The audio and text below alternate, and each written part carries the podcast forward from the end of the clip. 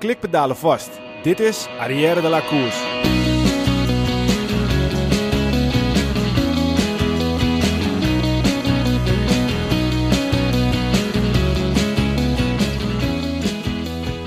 Geen koers, volkomen logisch. De wereld is ziek en koersen is helaas niet het medicijn.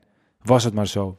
Om deze moeilijke periode door te komen, moeten we ervoor zorgen dat moraal hoog blijft. En wat is er leuker dan, dan luisteren naar geneuzel over de mooiste sport die er is?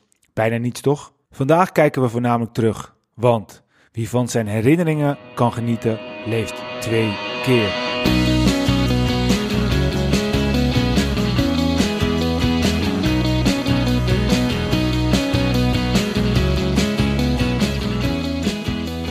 Dames en heren, jongens en meisjes, welkom bij onze podcast over wielrennen Arrière de la Course. De komende podcast gaat over wielrennen, besproken vanuit het oogpunt van drie wielergekken die alles volgen vanaf de bank dicht voor de tv. Vandaag aflevering 38.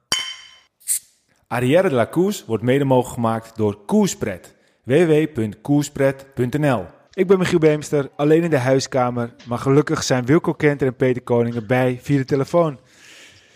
Jongens, uh, heftige tijden. Denken jullie een beetje om jullie zelf? Zo, goedenavond. Ja, het is raar, want uh, om eventjes voor de mensen die uh, denken van... Uh, wat klinkt Michiel goed en wat klinken die andere twee alsof ze op de wc zitten. Nou, als ik nu zo naar ze kijk, we hebben videobellen. Dus ik kan, ik kan mezelf recht zien en die andere twee zie ik scheef. En ik heb ja, het, zit, ja. zit jij op de wc, Wilco? Of, Nee, nee, nee. nee dat, nog het ziet er wel zo uit, hè? Nee, dat is mijn plafond waar je tegenaan zit te kijken. Ah, Ah, oké. Ja, ik zit aan de keukentafel. Ja, en waar zit jij, Peter? Ik leg op de bank, been omhoog, als een echte coureur.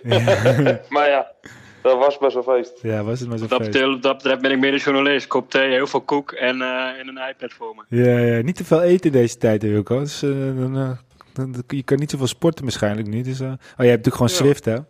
Ik heb gewoon een tax thuis. Geen probleem voor mij. Werken jullie allebei thuis of niet? Want sommige mensen zijn natuurlijk gewoon ook gewoon aan het werk. Of hebben jullie de mogelijkheid om thuis te werken? Ik ben uh, heel erg verkouden, dus ik, uh, ik mag niet naar mijn werk. Oké. En jij, Peter? Ik uh, beide. Bij waar ik werk, bij de loods, is, ben ik eigenlijk de enigste. Dus er komt niet in contact met mensen en ja. een beetje op een achterafie. Dus ik pendel alleen van huis en daar naartoe. En ik doe één keer in de zoveel dagen boodschappen proberen. En verder kom ik nergens eigenlijk. Nee. Nou ja, zo zou het ook moeten zijn. Hey, um, ja, weet je, we zijn op het punt gekomen om, uh, om thuis te blijven. En uh, daarom doen we dat ook. En daarom doen we het even zo. Tenminste, uh, naar de mensen toe. Ten eerste excuses voor de slechte geluidskwaliteit van Peter en Wilco. Maar ja, weet je, ehm, we hebben, zijn heel blij dat we een supergoeie podcast set hebben. Maar we zijn nog niet zo ver dat we drie opnamematerialen studio's hebben, om het zo maar te zeggen. Zodat we ook echt alle drie met kraakhelder geluid kunnen doen. Nou ja, wat niet is, kan nog komen. We doen het nu via de WhatsApp ehm, FaceTime-achtige constructie. Yes. Misschien uh, als we straks... Dat heeft ook wel de charme, toch? Ja, dat heeft zeker charme. Misschien als we ook een paar weken uh, verder zijn. En we hebben heel veel tips van luisteraars gekregen. Dat we, dat we zeggen, ja, je moet het niet zo doen via WhatsApp. Uh, dat is slecht voor het geluid. Maar je moet het via Skype doen of zo. Dus ja, iedereen is van harte welkom daarover mee te denken. Dus dat zou super ja, tof zijn. Ja, tips maar binnenkomen inderdaad. Zeker. Hoe, hoe, gaat het trouwens met de huwelijken? Gaat het nog een beetje door altijd thuis zitten? Of begint het al aan de eerste kraakjes? nou, we zijn per week onderweg, hè? Ja, daarom, daarom. Nee, ja, goed. Geintje natuurlijk. hey, uh, jongens... Het uh, tijd om dingetjes te doen thuis, hè? Dat, dat is nu wel. Ja, ja alle, alle thuis situaties die zien ook blinkend schoon eruit. En iedereen die heeft alle klusjes die al tig jaar nog laag heeft zo'n beetje gedaan straks, denk ik. Zoals de plinten, wat bij iedereen wel voorkomt waarschijnlijk. Ja, dan moet je die wel nog weer halen. Of wat je zal liggen. Nou ja, de meesten hebben hem al liggen. Ze moeten er alleen nog even opgeplakt worden. Ja, ja. ja, zo is dat dan ook weer. Hey, um, ja. ja. geen wielrennen. Uh, wat voorkomen logisch is toch? Uh, logisch is. Nou ja, toch wel een podcast. We hebben vandaag afgesproken dat we even uh, op Parijs-Nice gaan terugkomen. Want dat is de laatste keer dat ik samen met Peter zat. Toen waren we geëindigd in etappe 2. Nou ja, er zijn natuurlijk nog etappe 3 is nog gereden. etappe de, de tijdrit en dan nog twee etappes. De laatste is gecanceld, dus daar komen we sowieso even, even op terug. Ja. En uh, ja, verder wat, uh, wat mooie oude herinneringen die we gaan ophalen. Uh, ik vind sowieso het al super tof van Het is Koers wat die aan het doen zijn. Met al die documentaires. Dat uh, wielrennen24.nl uit mijn hoofd. Um, ja, goed. Zeker, er zijn heel veel leuke documentaires op. Ja, nou ja, dat is, ook, dat is natuurlijk te gek. Ik moet wel zeggen, als je een hele dag thuis bent met vrouwen en kinderen kom je uiteindelijk ook niet echt dan weer toe aan om iets te kijken. Dat je denkt, op een gegeven moment is het avond. En dan denk je, oh nou, het is nu alweer uh, tien uur. Ik denk dat ik toch maar naar bed ga. Maar ja, uh, ja wel sowieso een super vet initiatief. En ik zou iedereen dit willen aanraden om dat te gaan kijken. Want ja, uh, we houden van de koers en we kunnen nu niks zien. En dan is het natuurlijk wel leuk als we nog iets zouden kunnen doen. Um, en we hebben een, een oude doos. En we hebben nog wat de kleine nieuwsfeitjes die, die ook ja, de afgelopen weken ja, gebeurd zijn. Of die net gebeurd zijn. En het wat is niet per se leuk, maar wel eventjes noemens, noemenswaardig. Um, maar eerst nog even een, kleine recap op eh, de vorige podcast. We kregen best wel wat reacties. Uh, we waren redelijk fel over Lucinda Brandt. Um, omdat we vonden dat ze toch echt wel van Vleuten tekort deed in hetgeen wat ze zei. Uh, in de podcast van De Grote Plaat. Of De Grote Plaat heet toch? Ja, De Grote Plaat. Van, nou, in ieder geval de podcast van Blauwtsoen. Ja, um, ja, De Grote Plaat. Nou, laten we voorop zeggen dat we misschien iets te fel zijn geweest. Dat we, dat we uh, ja, misschien brand in dit geval iets te kort, te kort deden. Maar ja, laten we zeggen, we hadden overigens wel gewoon de podcast geluisterd voordat we de, de podcast van ons opnamen. Het is niet zo dat we klakkeloos een nieuwsberichtje op, opnamen, overnamen en daar onze mening over gaven. Kijk, wij zijn gewoon anoniem van, laten we het zo zeggen. Ehm, en wij zijn een beetje was van altijd maar uh, proberen om uh, ja, hele goede topsporters, om daar dan toch maar weer wat over te zeggen. Nou, misschien is dat dan toch wel een beetje on-Nederlands, of misschien is dat toch meer hoe wij erin staan. Ik wil niet zeggen dat zij dat deed, maar ja, wij vonden dat op dat moment en misschien waren we daar iets te fel in. En, Heel veel mensen hebben ons daarop gewezen. Nou, dat is ook weer mooi, want met kritiek kan je alleen maar verder komen en kan je alleen maar groeien, toch? Nou ja, ik wilde nog wel een kleine toevoeging aan, aan, aan geven. Ik bedoel, kijk, brand, brand was niet, niet, het was niet bedoeld om Van Vleuten natuurlijk af te kraken. Zoals ik het interpreteerde, was het meer van of de trainingsmanier van Vleuten goed is of fout. Dat, dat, dat, dat, weten wij niet en dat weten heel veel mensen niet. Maar eh, het is wel een, een, een kleine tip naar, naar de jeugd toe. Uh, om, om goed na te denken over hoe je wilt trainen. En nogmaals, uh, ja, wat goed is, dat, dat dat moet blijken. Kijk, voor Van werkt het en voor een ander werkt het niet. Maar uh, het betekent natuurlijk niet dat de trainingswijze van Van ook goed is voor, voor de jeugd wat gaat komen. En, en, en daar is, uh, dat was waar Lucinda op, op, op doelde. Dus ik denk dat we het meer die kant op moeten sturen. Ja, nou ja, dat is ook dat is duidelijk verwoord. En nogmaals, No hard feelings tegen Lucine Brand. En het is mooi te zien dat de mensen eh, het goed luisteren en daarop reageren.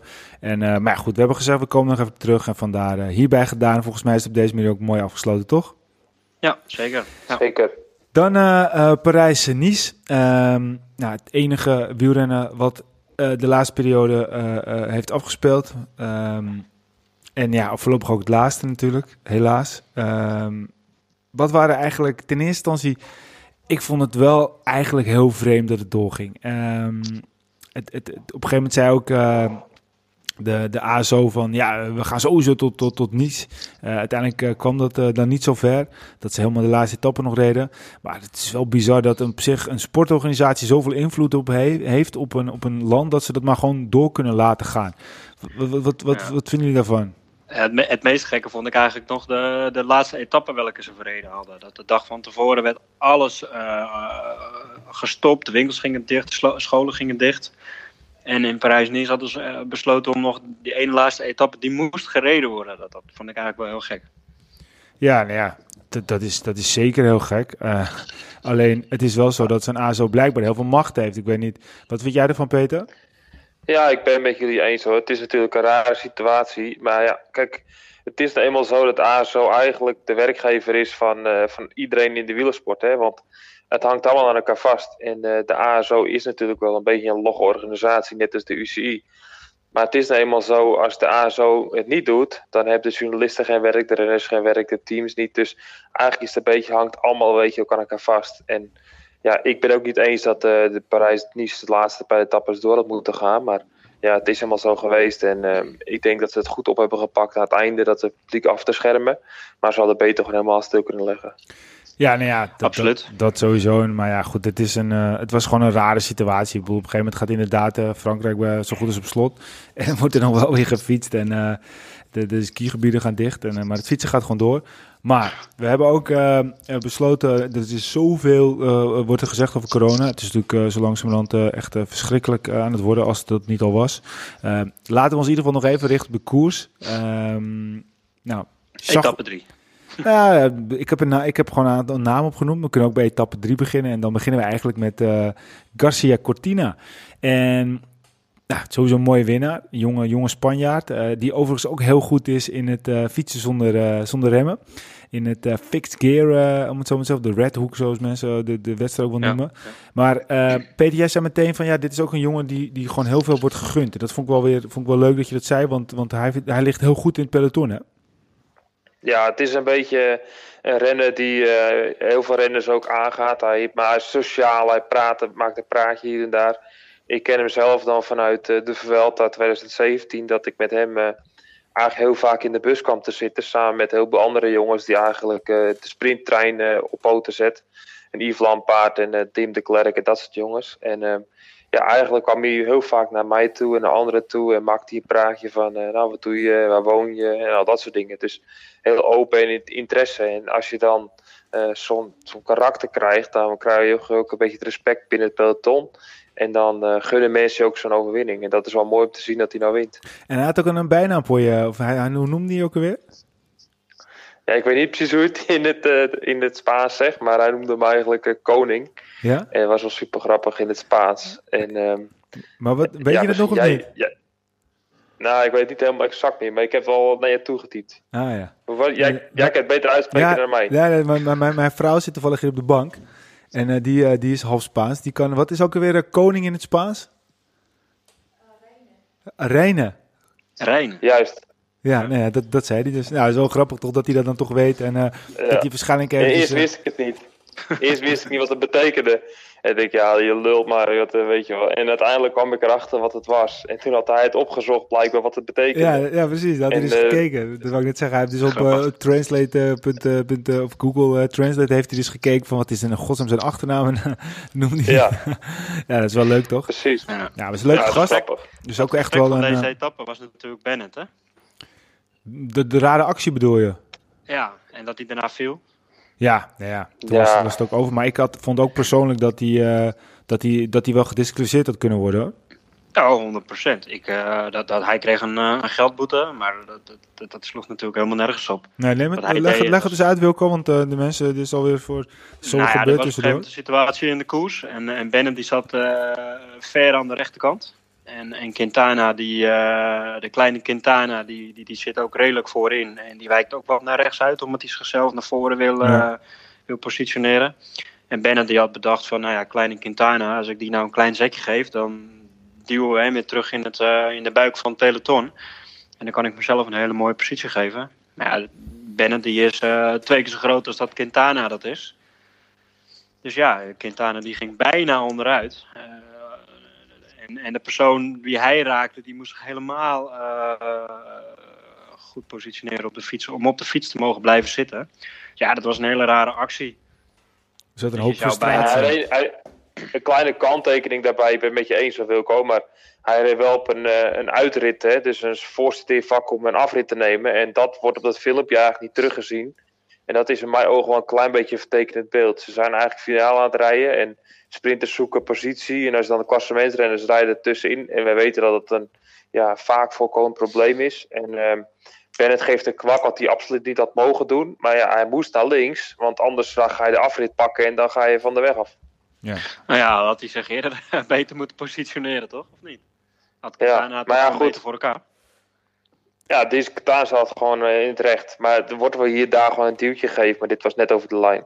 Ik denk dat uh, Bennett gewoon uh, in de rem had moeten knijpen en, en later in had moeten voegen. En kijk, Quintana die zat gewoon goed gepositioneerd. En het kan natuurlijk niet zo zijn omdat iemand niet op zit te letten en, en, en daardoor te laat invoegt.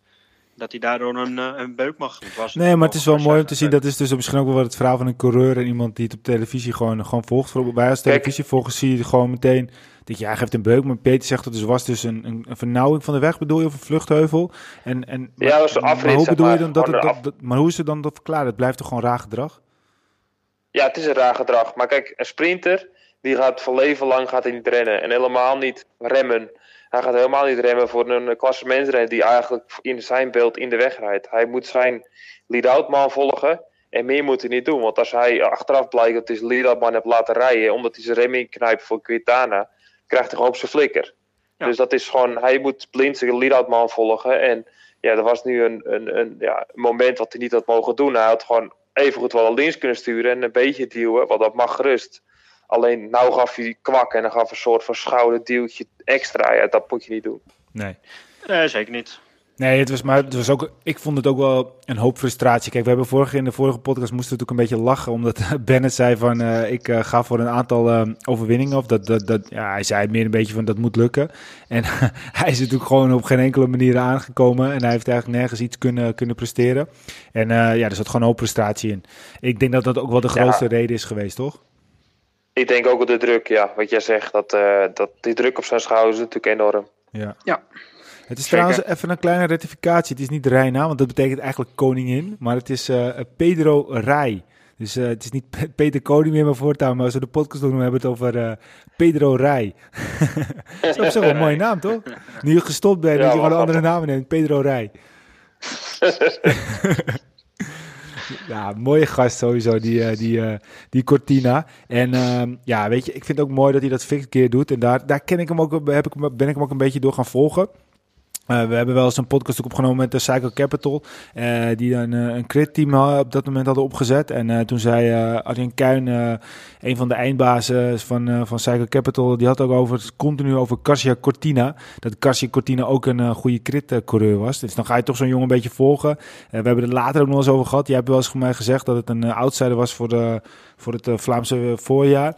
En nu dan uh, dat hij die etappe wint. Ja, dat is natuurlijk gewoon super leuk om te zien. En uh, ja, ook alleen op het podium. Heb je het gezien op het podium, hoe dat ging? Ja, dat nog een jonge gast, hè?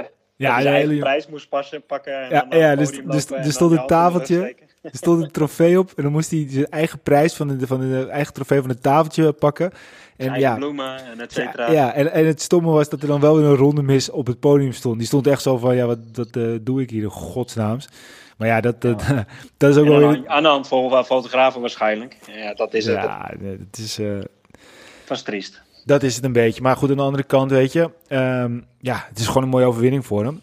Um, dan uh, naar de, de tijdrit. Um, ja, volgens mij gewoon een uh, super mooie overwinning van, uh, van Krak Andersen. Ja, niet normaal hè. Echt ja. super mooi dat, uh, dat die jongen weer terug is waar hij eigenlijk hoort. Ja. Afgelopen jaar het natuurlijk een slechte seizoen. En ja, lukt het allemaal niet. En dan zal misschien wel, wat je wel eens gehoord hebt, dat hij te veel getraind hebt. Of te graag wou en dat het allemaal dan niet gaat lukken. En uh, nou een beetje terug back to basics. En uh, goede trainstage gehad met Ties samen op hoogte. Ja. En uh, ja, die jongens hebben gewoon laten zien dat ze gewoon een heel hoog niveau hebben. En heel Sunweb denk ik. En met die overwinning in die tijdrit laat hij gewoon zien dat hij fysiek de beste is. Ja, nou ja, goed. Kijk, we komen zo nog even terug op Sunweb. Maar ja, je denkt op een gegeven moment van... Uh, um, zou Schachman hem bijvoorbeeld even kunnen winnen? Of Alaphilippe of wie dan ook. Maar... Uh, ja, Krak Andersen deed het gewoon super goed. Op een gegeven moment dacht ik zelfs nog dat hij voor het eindklassement kon meespelen. Want hij sprong op een gegeven moment bij een andere etappe die later kwam. Die overigens werd gewonnen door, door Benoot. Om even meteen dat brugje te pakken naar de, naar de etappe van Benoot. Um, dacht ik, nou, op een gegeven moment Krak Andersen is zo sterk, die springt weg. Uh, ja. Er zat nog een teamgenoot uh, van hem bij. Um, eventjes uit mijn hoofd, dat was Nicolas Arndt. Dan denk je op een gegeven moment, Arndt gaat volle bak met Krak Andersen. En Krak Andersen gaat misschien wel gewoon wegrijden.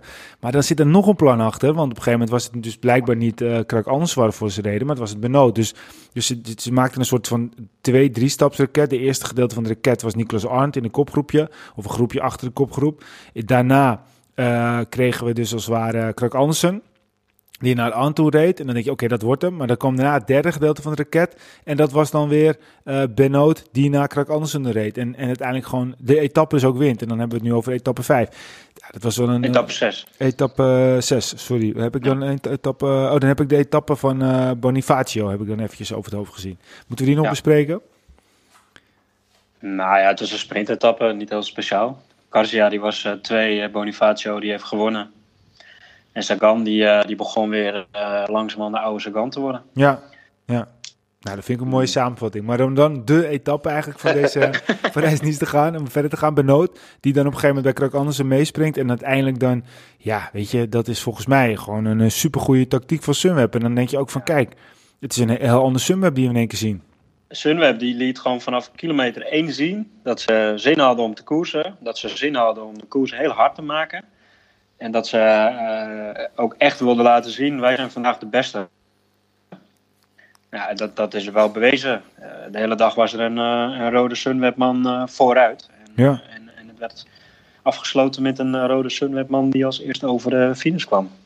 Ja, nou ja, goed. dat was wel fantastisch om te zien. Ja, ja. nee, ik, dat ben ik helemaal 100% met je eens. En uh, wat vond je van de situatie dan van, van Schachman? Dat die nog, uh... En de nummer 2 ook, hè? moet je ook benoemen dan. Ja, Michael Matthews, ja, zeker, zat, zeker. Dus het was echt, uh, dat die etappe was echt een summer gekleurd. Ja. wat vond je van de situatie met Schachman? Wat vonden jullie van de situatie met Schachman? Kijk eerst even naar Peter, een beetje zo schuim, want je, je zit schuin op mijn telefoon.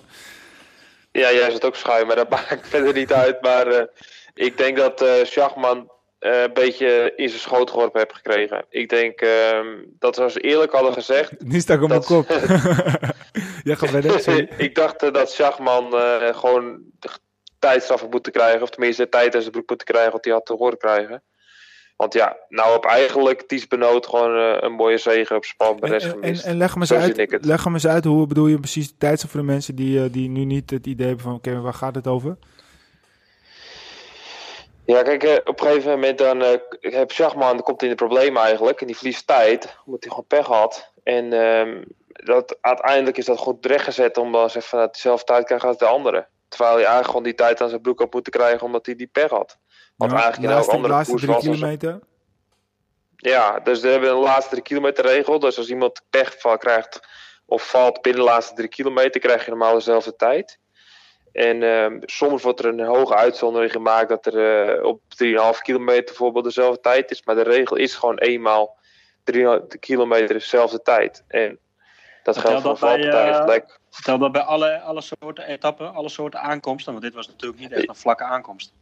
Precies, en dat is dus de hele vraagteken. Dus de ene keer zeggen ze een bergetappe geldt dat niet. En een vlakke etappe geldt wel. Maar wanneer is het nou een bergetappe en wanneer is het een vlakke etappe als het een beetje heuvel op is? En dat blijft altijd het vraagpunt. En dat vind ik soms wel eens jammer. Ze hebben dus niet een vast zeggen dat ze zeggen: oké, de laatste kilometer moet meer dan 5% omhoog lopen, dan geldt het niet. Maar dat vind ik een mooie regel, als zou ze zoiets brengen. Ja. En dat was in dit geval gewoon een twijfelgeval. En ja, ik vind dat eigenlijk zelf als coureur zijn dat Ties uh, die zegel neus geboord is. Ja, vind ik ook. Kijk, dit was sowieso is het geen vlakke etappe. Er zaten gewoon uh, goede heuvels, misschien wel, mag je ze wel bergen noemen. En er werd gewoon echt gestreden. En er was gewoon echt een kleine groep wat nog vooruit was. Ja, en, precies. Uh, en Benno die valt gewoon aan. En die, uh, en die pakt inderdaad gewoon echt heel veel tijdwinst. En Schachman die maakt gewoon een hele grote fout. Dus ja, ik vond het wel een beetje uh, jammer eigenlijk. Dat hij dezelfde tijd kreeg als, als de groep waar hij in zat. Kijk, ja. voor allebei wat te zeggen. Hè? Want het is natuurlijk een discussiepunt. En het is een wel eens niet eens verhaaltje. Maar in dit geval had ik het, uh, ik denk toch Ties uh, had de man moeten zijn die het geld had. Ja. Nou ja, kijk, dat is dan de, de, de dag uh, voor uh, de laatste dag. De laatste dag is de etappe die, die Quintana wint. Um, zou het ook niet anders zijn geweest dan als Schachman dan bij wijze van spreken minder tijd had gehad op Benoot? Of denk je dat het gewoon hetzelfde was? Want we hebben natuurlijk dan had Benoot is, is de overwinning door zijn neus geboord. Maar had Schachman ook niet anders ja. dan gereden die laatste dag? Ja, weet ja, niet. Het is ook iets psychologisch. Hè? Kijk, Daarom. toen zat hij nog die gele trui en hij stond er nog best wel goed uh, in die gele trui met veel uh, tijdwinst nog op, op Ties Benoot. Ja, dat geeft toch wel meer moraal, denk ik, dan als jij aan de start staat en je hebt nog maar een paar seconden voorsprong. En, en ja, misschien knak je dan wel sneller. Ja, moraal, daar staat, valt alles mee natuurlijk als je niet de beste klimmer bent van allemaal. Ja. Kijk, nou ja, Ties die wacht de laatste rit Ties wacht ook op het laatste moment om aan te vallen. In mijn ogen had Ties eerder moeten aangaan om uh, meer tijd te kunnen pakken. En in de situatie wat nu was zo geweest, als hij uh, minder tijd had gehad op Ties, had Ties wel op dit moment kunnen gaan en dan net een verschil kunnen maken. En ja, nu uh, was het gat te groot om te vroeg te gaan voor Ties zelf. En ja. die ging daar op de verrassing. En dat was gewoon anders geweest als het uh, korter in het klassement had gestaan. Dan had hij misschien wel net even eerder gegaan en wel het verschil kunnen pakken. Want ja, je zag gewoon dat Ties beter was bergop dan uh, Schachman. En ja. Schachman heeft gewoon geluk gehad met die andere renners in die kopgroep. Dat ze eigenlijk Quintana gelijk lieten rijden. Tussen haakjes natuurlijk, want die was gewoon verder de sterkste. Ja. Maar dat er achter uh, door Hikita eigenlijk ja, niet heel erg slim gekoerst werd. Waardoor uh, Ties toch een beetje binnen de perken bleef. Ja, nou ja, weet je, het is, uh, was sowieso natuurlijk een rare koers. En uh, het is mooi om te zien dat Sunweb met Benoot een, nieuwe kopman heeft. Of hij echt uiteindelijk de, de, de drie weken gaat goed volbrengen met de grote rondes. Ja, dat wordt lastig. Um, ja, en ik denk ja, dat Denk gewoon... je dat hij voor de drie weken, nee, dat hij de man voor de drie nee, weken? Ik denk dat hij wel echt een man voor een week is, hoor. Denk ik ook niet maar ik bedoel meer, uh, er werd gezegd, uh, Sunweb heeft een nieuwe kopman uh, voor het grote rondewerk. Dat zijn de Belgen dan volgens mij. Maar ja, dat, dat lijkt mij natuurlijk ook een beetje overdreven. Maar aan de andere kant, een goede Michael Matthews gezien, een goede Niklas Arndt gezien en een goede Benoot gezien. Uh, ja, weet je, dat zijn wel mooie dingen. En uh, ik ben wel benieuwd, uh, of niet, ik ben benoemd, nee, ik ben benieuwd, ehm, hoe het, hoe het in de toekomst zal gaan zich ontwikkelen. En in ieder geval... Ik denk dat dat trouwens een voordeel is een, een, een, voor, voor Team Sunweb, deze, deze stilte, dat er geen koersen zijn. Nou? Dat onze vriend Wilco Kelderman niet kan vallen. ja, ja, zie je, dat hij fit blijft. Dat een van de, een van de weinige voordelen is dat Wilke Kelderman niet kan vallen. Nou, er zijn wel ja. meer voordelen, want Tom Dumoulin kan zich ook nog beter herstellen. En uh, ja. alle Nederlanders uh, zoals uh, Langeveld en Kruiswijk en weet ik veel allemaal. Maar ja, goed, Precies. als ze zouden mogen kiezen, hadden ze dat ook waarschijnlijk niet gedaan. Nee, nee natuurlijk. Nee, natuurlijk. Dat is weer iets heel anders. Ja. Hey, um, we gaan Parijs-Nice afsluiten. Um, ja, omdat we kunnen zeggen, oké okay, jongens, dit, dit, dit, is het einde van de podcast. Dat gaan we niet doen. We hebben gezegd, uh, we gaan uh, de komende week ook gewoon steeds elke week weer proberen... in ieder geval uh, met elkaar even te zitten en een podcast op te nemen... mits er geen gekke dingen gebeuren natuurlijk. Um, en, maar we gaan wat herinneringen delen. En um, Wilco, ik wil eigenlijk beginnen met jou, jouw wielerherinnering. ik zie trouwens net wat heel grappigs voorbij komen. Er is vandaag een renner jarig. Oké. Okay. En die heet Boon Raat Natanakoren. Je, je, beeld viel, je, je beeld viel er even zelfs eventjes van stil. Boon heet het dat na het... Ja, Boon Ratanatanakoren. En waar komt die vandaan? Uit Oostenrijk? Ja, voor mij uit uh, Costa Rica. Costa Rica. Eens kijken, waar komt hij vandaan? Is een nou, geniale naam. Thailand komt hij vandaan. Thailand, kijk. Ja, de to topper in spe. Hoe oud wordt hij? Hij is uh, 31 jaar geworden. Oh, oh, kijk, kijk. Nou, die is op zijn sterkst. Nou, we zullen misschien wel zo'n mooie de komende periode. ja. Wilco, jouw herinnering? Ja, mooi. Nou, ik heb er, uh, ik hoef er niet heel lang over na. Sowieso voor twee uh, hoef er niet, niet heel lang uh, over na te denken. De eerste, dat, die komt uit 1995. het wereldkampioenschap. Abraham Molano was daarin de winnaar. Wereldkampioenschap gehouden in Colombia. Ja, daar is het voor mij allemaal begonnen dat was uh, zo'n beetje de eerste uh, wedstrijd die ik in zijn volledigheid toen gezien heb. Ja, en ik heb daar zo van genoten. Het was slecht weer en de ene na de andere viel af. En, uh, zoveel strijd. Dat was in Colombia, was... toch? Wat je net zei. Ja, ja, ja. ja, ja. dat was in Colombia, ja. ja. Voor mij was uh, Indurain was tweede en Pantani was derde. Ja ik me goed herinneren. Dat is volgens mij ook het WK dat uh, Nelis uh, het amateurkampioenschap ja, heeft gewonnen. Dat wou ik dus net zeggen, want daar heb ik echt een bizar mooie herinnering aan. Dat Nelis toen het, uh, het, het was het amateurkampioenschap nog. Ja. En dat hij dat toen met altijd was elke keer zo'n klein klimmetje. En ja, dat kan ik dus nog heel goed herinneren. Dat ik mijn vader op de bank zat te kijken en dat hij won. Ja. Ook wel echt een mooie daar is mijn liefde voor, uh, voor het fietsen uh, echt wel begonnen met groeien. En uh, ja, dat is natuurlijk nooit meer opgehouden. Ja. Dus ja, dat is voor mij sowieso de mooiste herinnering, omdat het daar allemaal begonnen is. Ja, dat was een mooie koers. En, uh, en ook, uh, ook, ja, toen met die gebrekkige, gebrekkige televisieopname, dat je wel een oranje shirtje zag bijvoorbeeld, maar je wist natuurlijk niet precies wie het was. En uh, ja, mooi, mooi. Ik kan me dat ook echt nog heel goed herinneren. Ja, gek genoeg, de laatste, het laatste WK in Engeland, dat deed me wel een beetje denken aan het wereldkampioenschap van Colombia. Ja, maar dat zo heel slecht weer. En, ja, ja en, en, renners die iedere ronde stopten er wel weer een paar renners. En uiteindelijk bleef er nog maar een klein gezelschap bleef over. En dat waren dan uh, ja, toch wel de echte winnaars van, van dat WK. Ja. ja, dat was in 95 niet anders. Nee. Het een hele lange, zware koers was. En de ene na de andere afviel. En ja, dat, dat, was wel, dat was wel echt een, een, prachtige race om te zien. Dat is wel waar fietsen ook wel een beetje voor staat, denk ik. Nou, dat is een mooie herinnering, Wilco. Dat is ook wat we de komende weken dus gaan doen. We gaan mooie herinneringen uit, uit ons eigen brein houden... waar wij ja, gewoon heel erg van genoten hebben. Ehm, ik wil hem even doorpakken. Um, ik ben op 12 juli 1984 geboren. Dus dat is voor mij, doe ik altijd een mooie dag, 12 juli. Het is vaak Mooi, een dag waarop een of andere... Ja, goed ja, want Wilco is op 13 juli 1984 geboren. Dat is een dag na mij. dat is wel redelijk bizar. Um, maar um, wat vaak gebeurt op 12 juli op een of andere manier... is dat tijdens de Tour of het is een rustdag... of er is een ploegentijdrit. Nou, ik ben niet zo heel erg fan van ploegentijdritten. Misschien ga ik heel veel mensen tegen in hun uh, harnas stoten. Maar ik, uh, ja, ik hou er gewoon niet zoveel van. Ik vind het wel leuk uh, om sowieso natuurlijk te kijken. Want ik ben gek op wielrennen. Maar het is niet mijn favoriet. Maar op 12 juli 2013 ehm, was het een hele speciale dag. En eigenlijk denk ik misschien wel de mooiste wielerdag die ik ooit uh, heb gezien. Het was een uh, waaieretappe uh, met onder andere uh, Belkin en Omega Pharma Quickstep in, in de hoofdrol. En ja, ze hadden daar een plannetje beraamd en wat ze eigenlijk deden... Ja, is dat ze met name onze grote vriend Alejandro Valverde, Valverde daar eventjes een ja, een, eh, een, een kunstje flikte.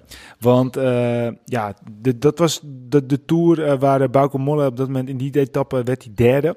Maar uh, na die etappe stond hij maar liefst tweede in het klassement. En dan, dan denk je, ja, dit, we hebben veel goede renners. Maar in 2013 stond hij gewoon tweede, hè, Mollema, in het klassement in de tussenstand. Was dat niet 2014? Nee, het was, het was 2013. 2013, ik kan het nog even dubbel checken voor je.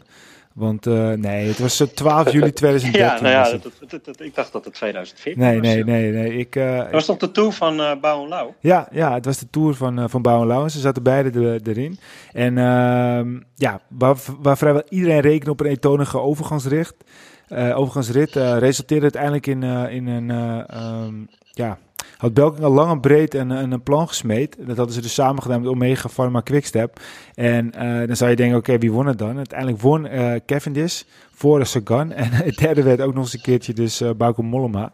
Maar ja, voor de mensen die, die echt totaal geen idee hebben waar het over gaat, kunnen wel de hele etappe analyseren, maar dat, dat is niet nodig. Maar ga eens eventjes googlen op uh, de etappe van um, 12 juli 2013. En uh, ja. was de dus dertiende etappe. er nog steeds zuur van, toch? Ja, en dat is ook wat ik, uh, wat ik uh, inderdaad nog uh, wilde meegeven. We hebben wel vorige keer de situatie gehad met Valverde die toen door wilde rijden in volgens mij met Roglic. Dat was in de was Vuelta, was het? Ja, was Vuelta. Nou, die valpartij in de afdaling. Ja, ja. en daar wordt elke keer dus weer gerefereerd aan die, aan die dag. Omdat het toen eigenlijk, ja, ja het, het, ging niet fout om het zo maar te zeggen. Maar er werd zo, zo hard met tijd gesmeten. Omdat dus op dat moment... vergeten niet, hè? Mooi, hè? Ja, maar dat is dus alweer uh, straks zeven jaar geleden en nog steeds hebben ze het over die dag. Ja, ik dus ook. Voor mij dus, wat ik net al zei, uh, een, een, een dubbel speciale dag. En uh, ja... Ik, ik had hem ook op mijn lijstje staan. Dus ja, terecht. Dat is een hele mooie etappe. Je had hem ook op je lijstje staan. Ja, nee, ja, kijk, ja. Dat, ja precies.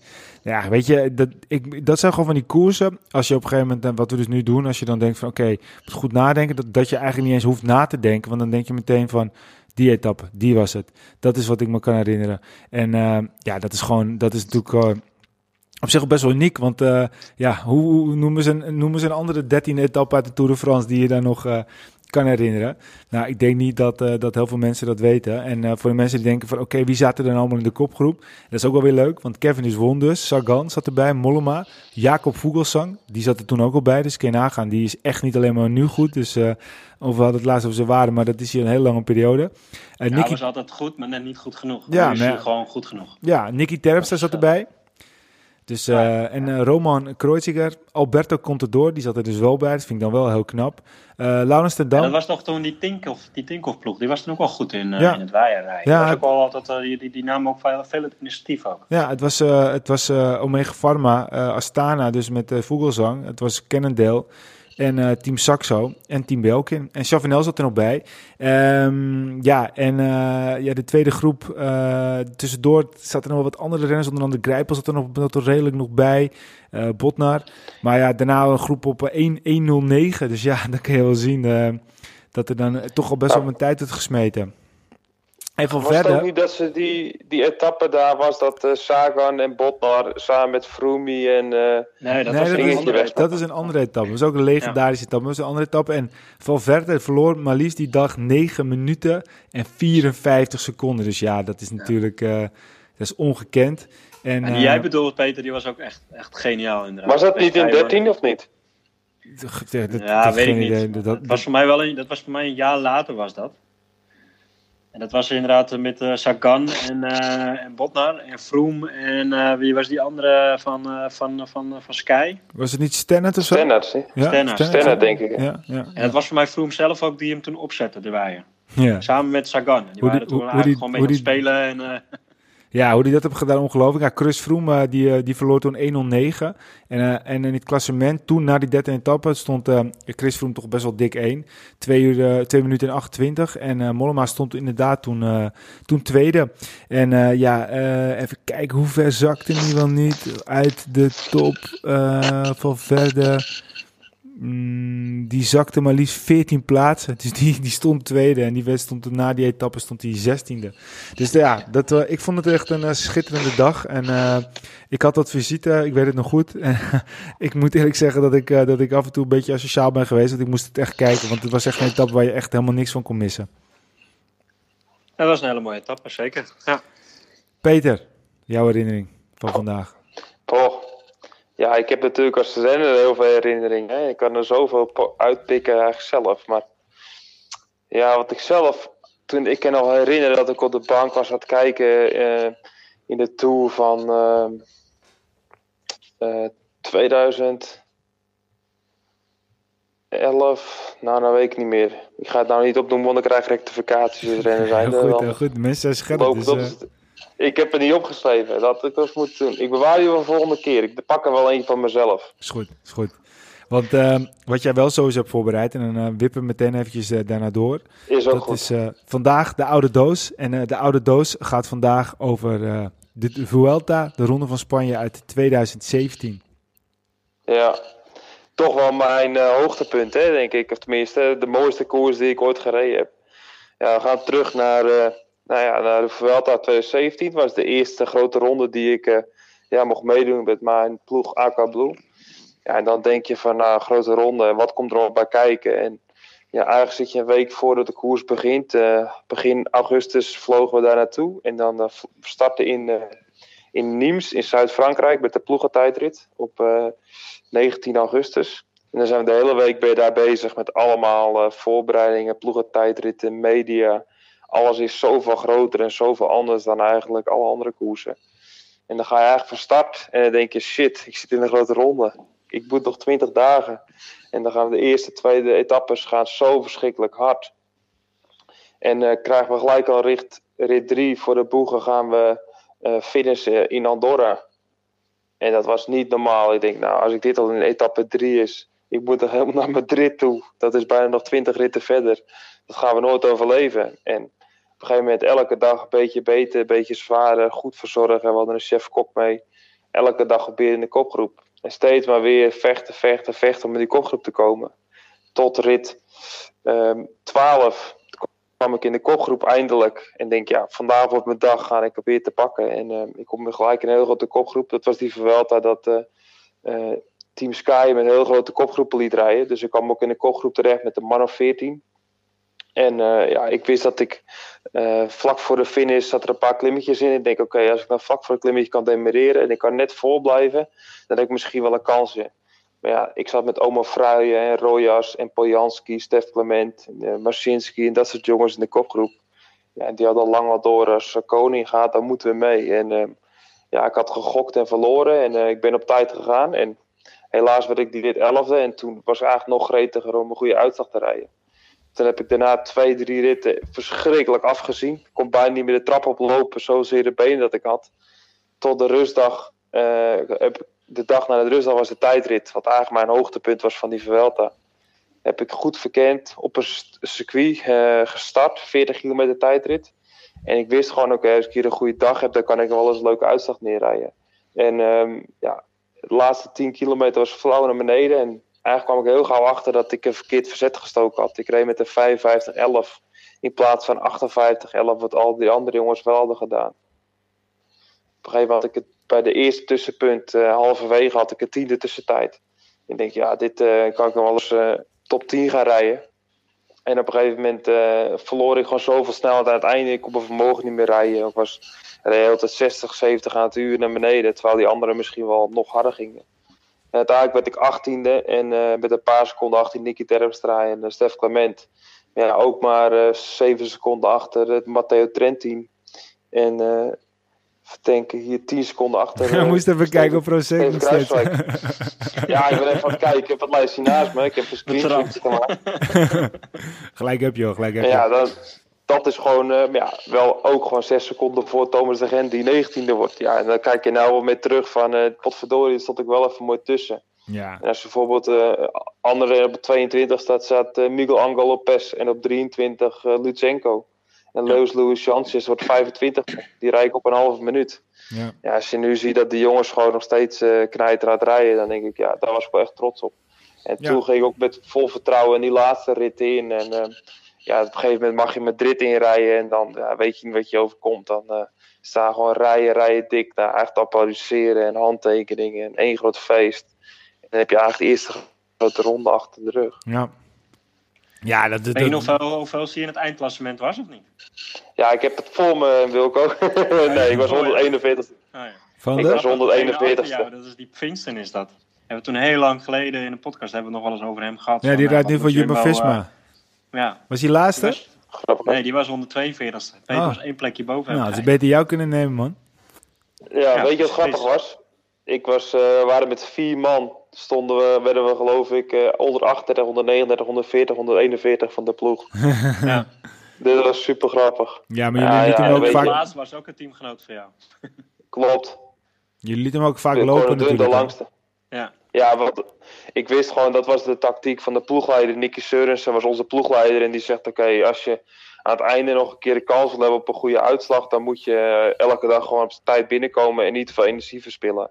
En dat heb ik ook gedaan. En eh, een van mijn doelen was de tijdrit. En ja, het was gewoon super goed gelukt. En eh, het was een hele zware Vuelta 2017.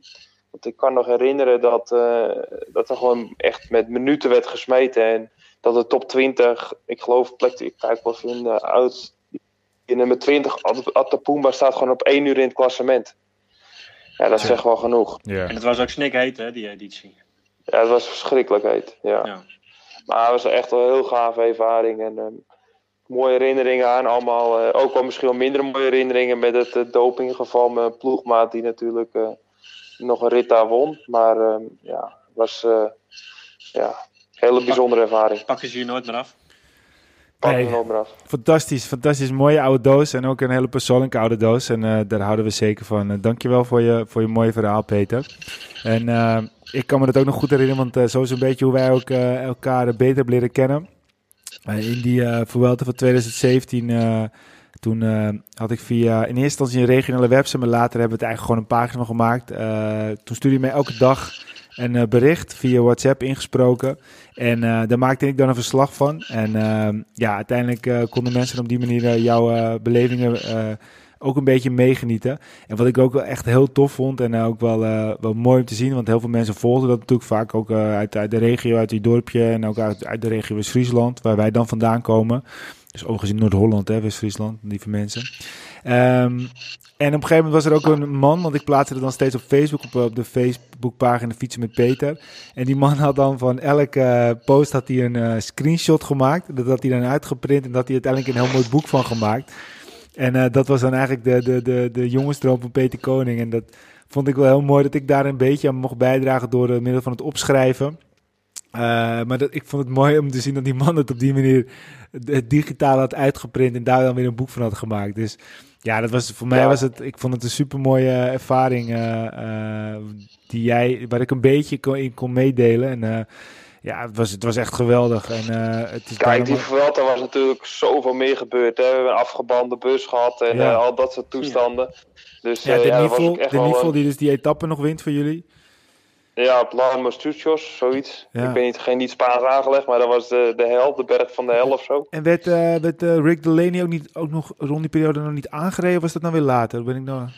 Nee, dat was, dat was la ja, later. Oh, dat was later, ja. Ja, ja. ja, ja maar het was echt bizar. zoveel dingen. Het is gewoon zo'n rollercoaster waar je eigenlijk een maand lang in zit, dat is echt gewoon bizar. Ja, en dat, is te mooi, want voor mij heeft dat, die, die man ook dat boek aan je vader gegeven.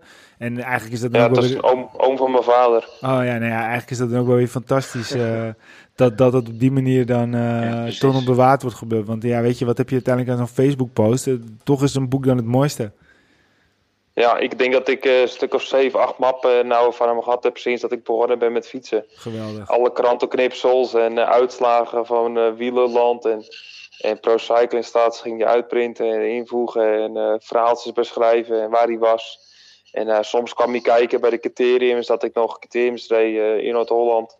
En dat ik dan eigenlijk domineerde en daar ging hij heel verslag van schrijven. Hoe ik dan wegdemereerde en iedereen eigenlijk een soort van uh, ronde zet. Dat, is toch, dat is toch zo fantastisch. Hey, uh, hartstikke leuk. En we gaan het er vaker uh, misschien nog wel een keertje over hebben de komende weken. Want we hebben wat dat betreft de tijd zat. Hey, um, laatste onderdeel weer van deze podcast. We zeiden we gaan hem kort houden. Maar uiteindelijk zitten we toch alweer uh, straks misschien wel weer rond de 50 minuten tot een uur. Dus wat dat betreft genoeg luisterplezier. in het nieuws twee nieuwsitems die toch wel opvielen. Oliver Nase, uh, die is gewoon in training. Dat mag ook gewoon nog in België. Dus adviseer overigens wel, want uh, Thomas de Gent zei ook van... Uh, ja, respecteer nou gewoon dat je alleen gaat rijden. We mogen rijden, maar ga daar niet in groepjes rijden. Ik weet overigens niet, heb je uh, Instagram post van Van der Poel gezien?